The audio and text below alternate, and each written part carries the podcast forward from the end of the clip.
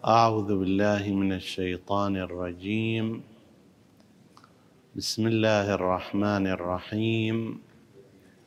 والصلاة والسلام على أشرف الأنبياء والمرسلين. أبي القاسم المصطفى محمد.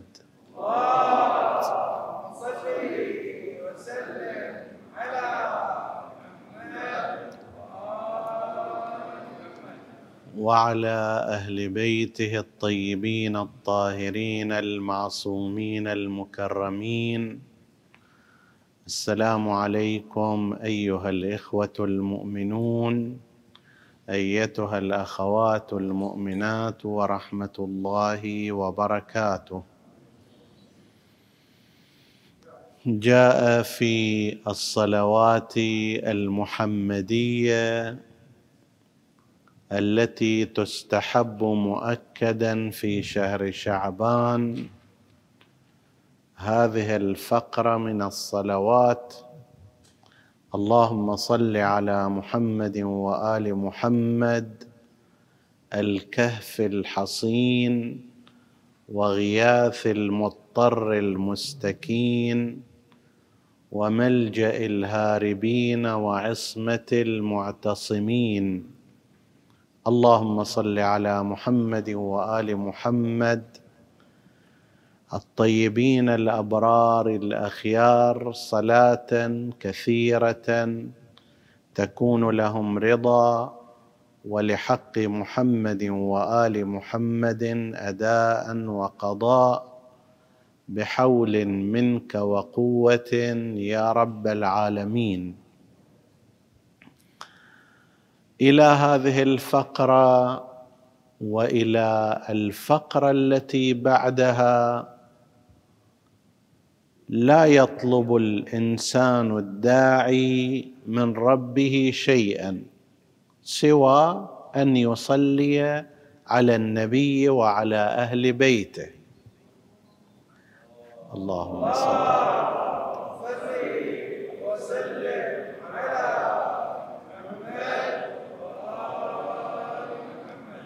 في الفقرة التي بعد هذه يبدأ بطلب شخصي إن صح التعبير فيقول واعمر قلبي بطاعتك ولا تخزني بمعصيتك وارزقني مواساة من قدرت عليه من رزقك بما وسعت علي من فضلك ونشرت علي من عدلك وأحييتني تحت ظلك.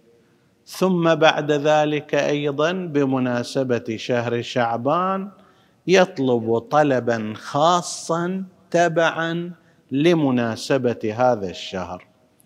وإلا إلى هذه الفقرة والتي بعدها إلى الآن هو لا يزال في تكرار الصلاة على النبي صلى الله عليه وآله باعتبار أنها غاية من غايات الدعاء بل لعلها تكون الغاية الكبرى والقصوى. هنا ينبغي أن نشير إلى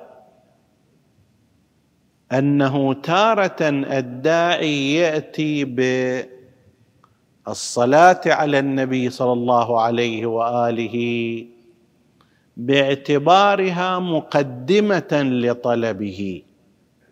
وهذا وارد عندنا أنه لا يزال الدعاء محجوبا عن الإجابة حتى يصلي الداعي على محمد وآل محمد.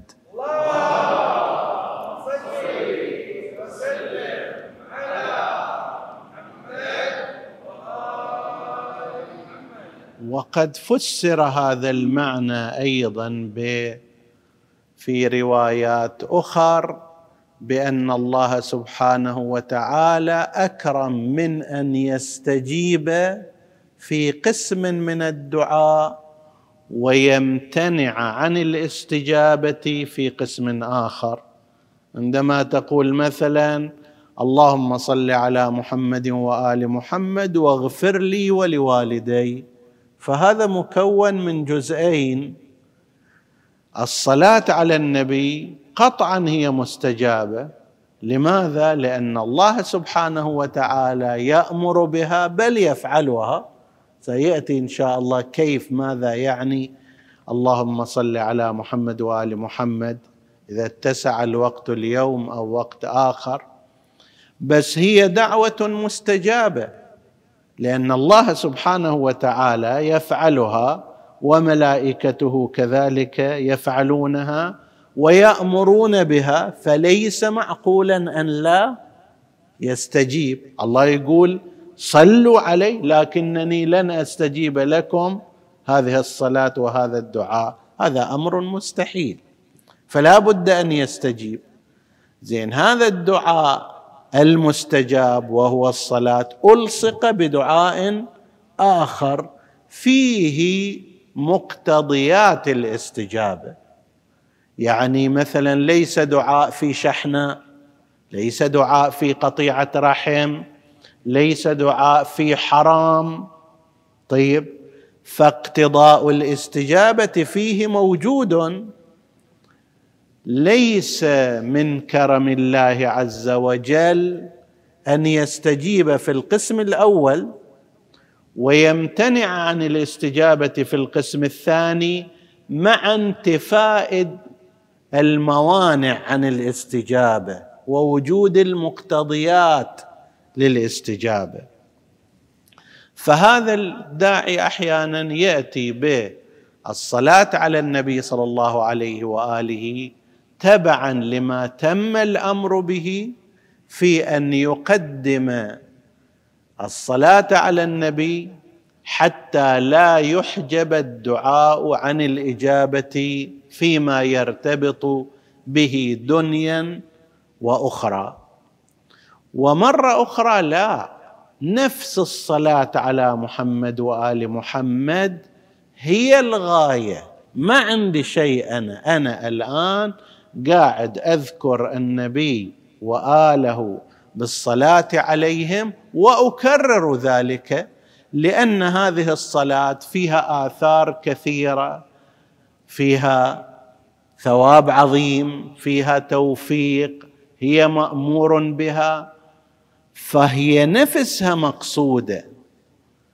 هذا المعنى الثاني أيضا موجود بشكل كبير في الروايات وبعض الروايات لسانها لسان مرغب جدا. مما ورد في هذه الصلاة على النبي عن الإمام الصادق عن الإمام الباقر عليه السلام أنه قال ما من شيء كما يقولون هذا بعد ما في عموم أكثر من عنده. الفقهاء يقولون والأصوليون ما من شيء. صلاة إنفاق صوم عطايا غير ذلك. أذكار أخرى ما من شيء.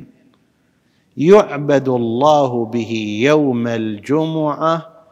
أحب إلي من الصلاة على محمد وآل محمد.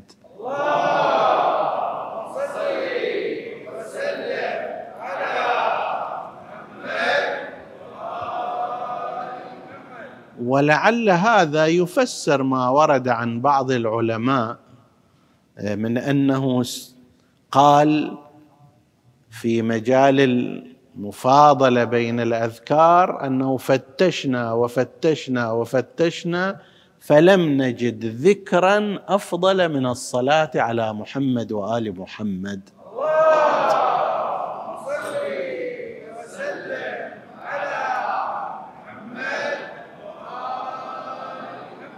فهنا بحسب ظاهر هذا الحديث العبادات متنوعة ومتعددة. منها ما هو مالي منها ما هو بدني منها ما هو مشترك بين المال والبدن منها ما يستغرق وقتا طويلا منها ما يستغرق وقتا قصيرا. بس هذا الحديث يقول ما من شيء يعبد الله به يوم الجمعة مثل هذه الصلاة أو أفضل من هذه الصلاة بل هي الأفضل. هذا من حديث الإمام الباقر عليه السلام.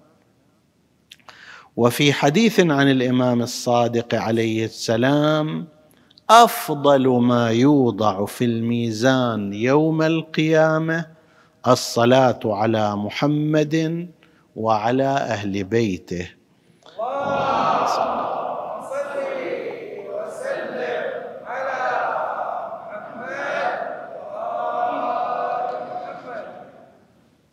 في حديث عن الآثار التي تسببها الصلوات المحمدية ما ورد عن الإمام الرضا عليه السلام أنه قال من لم يقدر على ما يكفر به ذنوبه فليكثر من الصلاة على محمد وآله فإنها تهدم الذنوب هدما.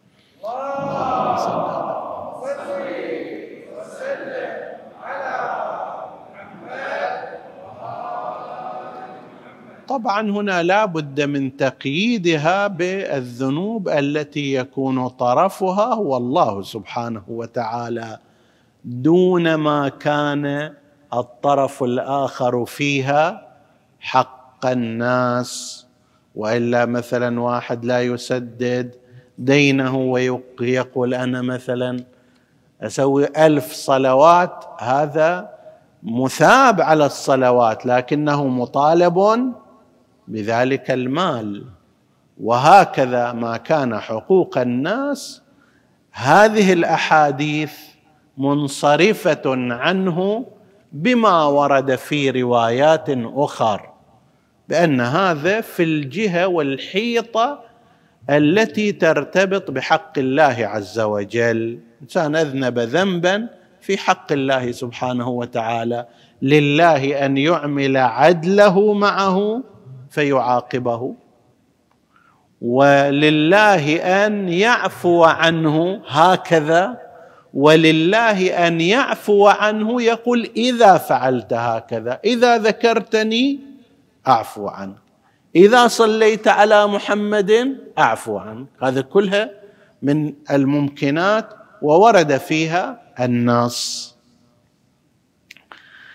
ومن ما ذكرنا في قضية الدعاء من كانت له إلى الله عز وجل حاجة فليبدأ بالصلاة على محمد وآله ثم يسأل حاجته ثم يختم بالصلاة على محمد وآل محمد. يعني يبدأ بالصلاة يعقبها بذكر الحاجة ثم يختم بالصلاة على محمد وآله فإن الله عز وجل أكرم من أن يقبل الطرفين ويدع ويدع الوسط الشكل أول بدأ بالصلاة وانتهى بالصلاة وتوسط بينهما ذكر الحاجة من مغفرة من شفاء من أمور دنيوية من أمور أخروية لنفسه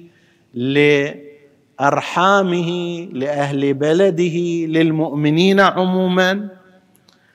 الله عندما يأتي ليستجيب نحن نقطع أنه يستجيب في الأول والأخير لأنه ذكر الصلاة هو أكرم من أنه بس هذا وهذا ويترك الوسط بلا اجابه ويدع الوسط إذ كانت الصلاة على محمد وآله لا تحجب عنه سبحانه وتعالى.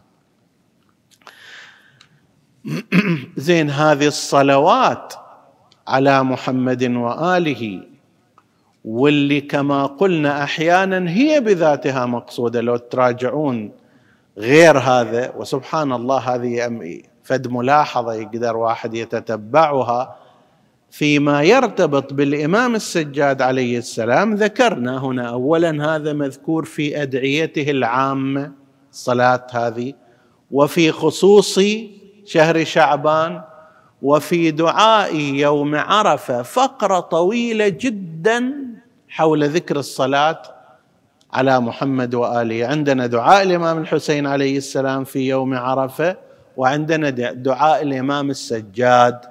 دعاء الإمام السجاد في البداية يبدأ بخطاب الله سبحانه وتعالى. اللهم أنت الله الذي لا إله إلا أنت العزيز الجواد الكريم المتفضل كذا كذا.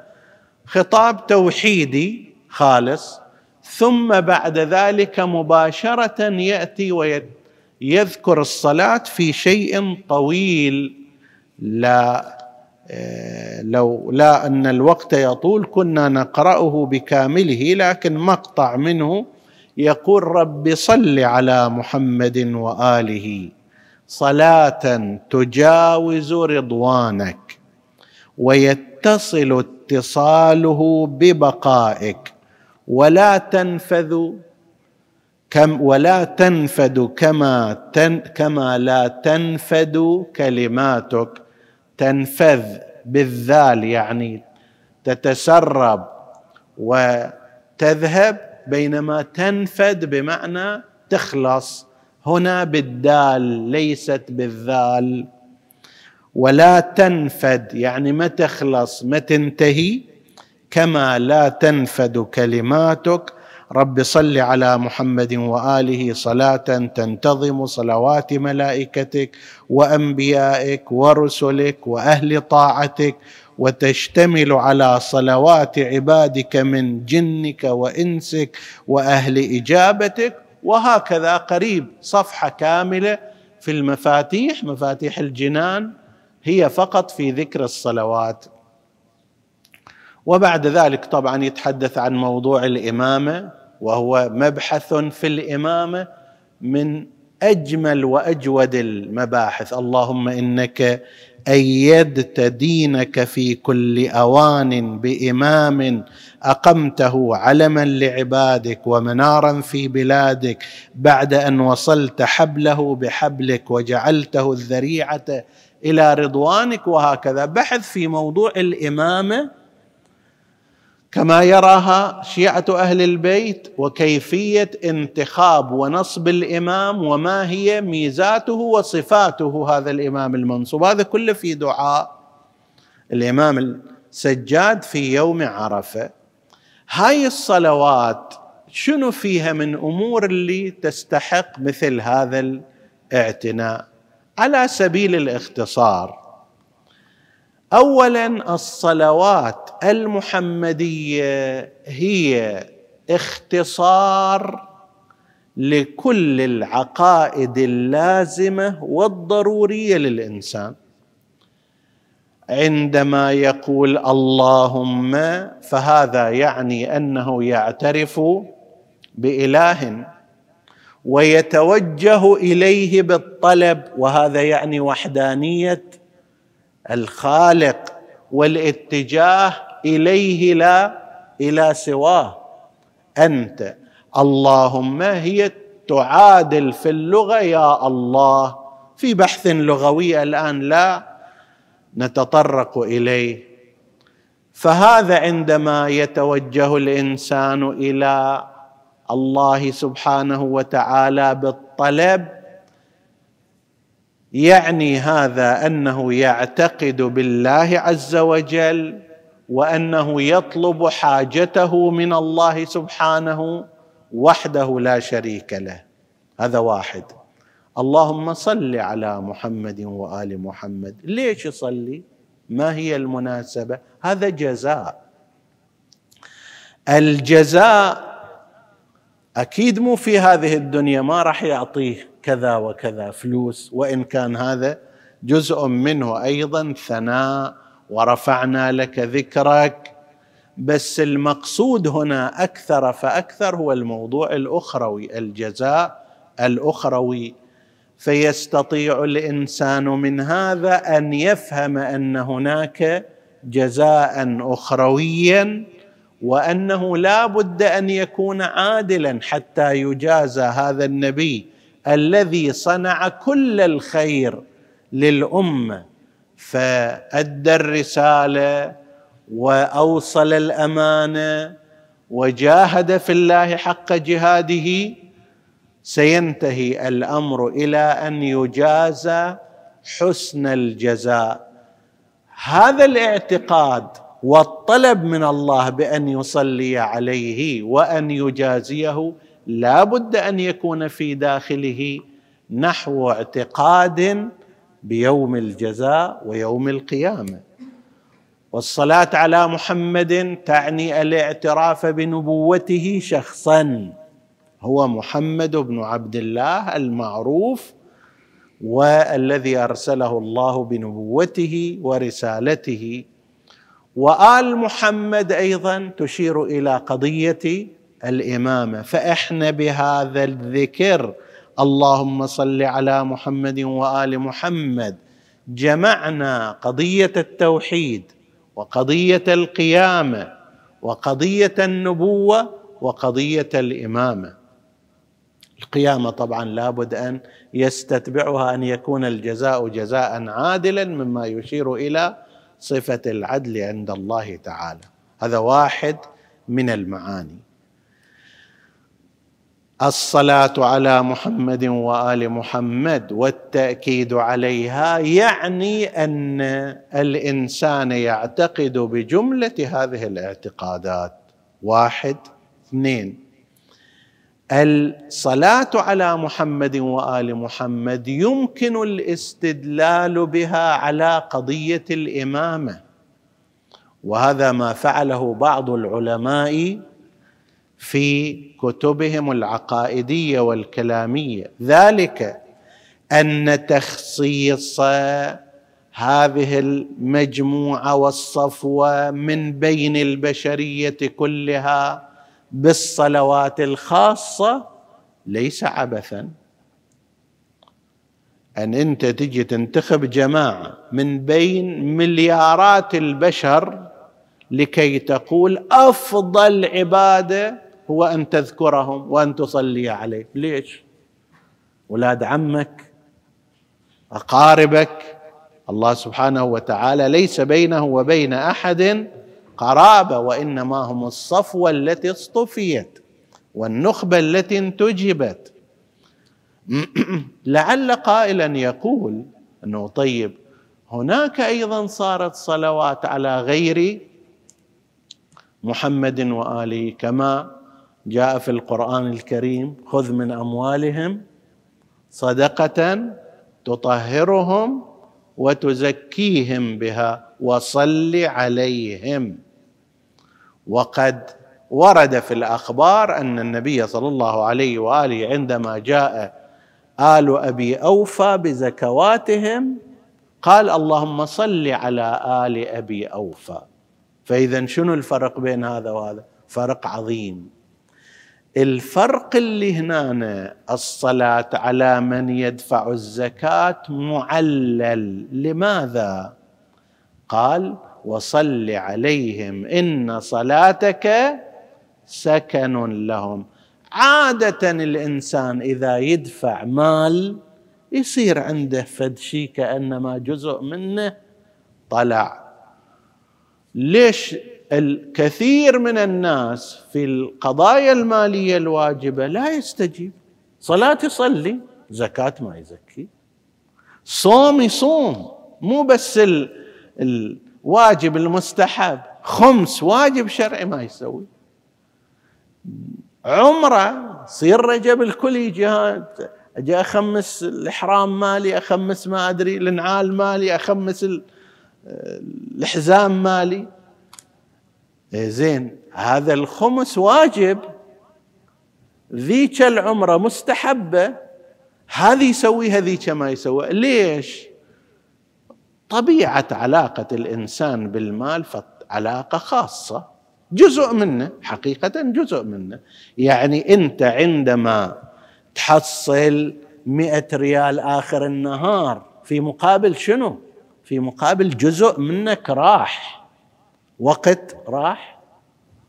جهد عضلي بذلته إذا تجي تحسب مثلا تقول ثلاثين سنة أنا اشتغلت لين حصلت مثلا ثلاثين ألف دولار أو ثلاثمائة ألف دولار أو غير ذلك.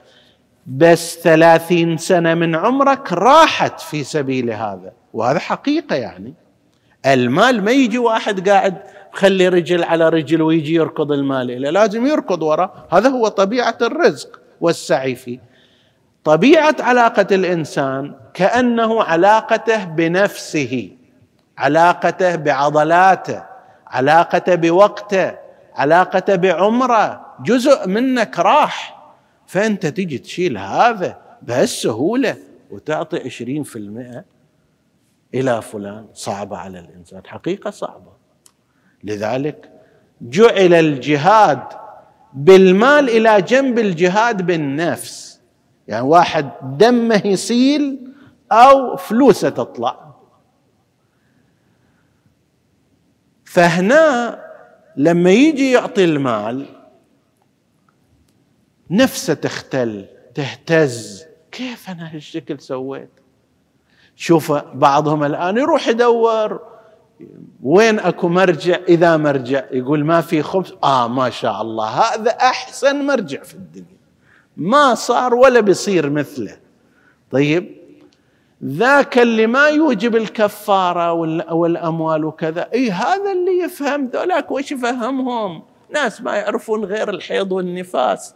عجيب. بس هنا صاروا يعرفوا الحيض والنفاس. طيب لهذه الجهة يحتاج الإنسان إلى ترميم في نفسه. صل عليهم. قل لهم أحسنتم. بارك الله فيكم. جزاكم الله خير. الله يعوض عليكم. الله يصلي عليكم. أنتم راح تقتربون من الله بهذا. هذا لإصلاح خلل. هذا وين؟ وذاك إن الله وملائكته يصلون على النبي. يا أيها الذين آمنوا صلوا عليه وسلموا تسليما وين.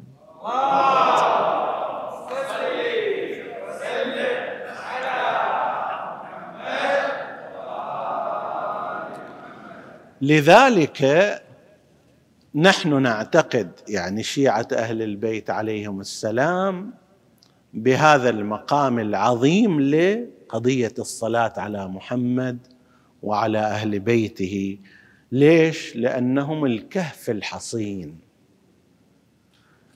هذول مو يحتاج واحد يصلي عليهم حتى يطمن قلوبهم ويروح الاهتزاز لا هم كهف.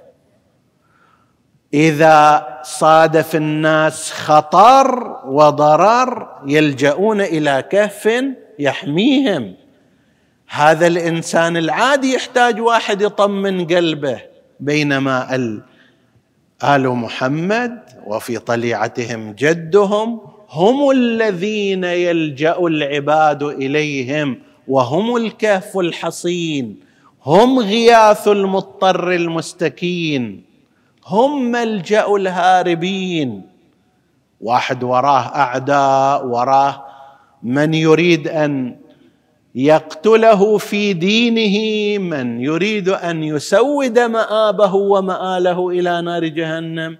يحتاج إلى ملجأ هذا الإنسان. يهرب إليه من الشهوات ومن الشيطان ومن تحديات المعاندين. ملجأ الهاربين هم آل محمد وعصمة المعتصمين.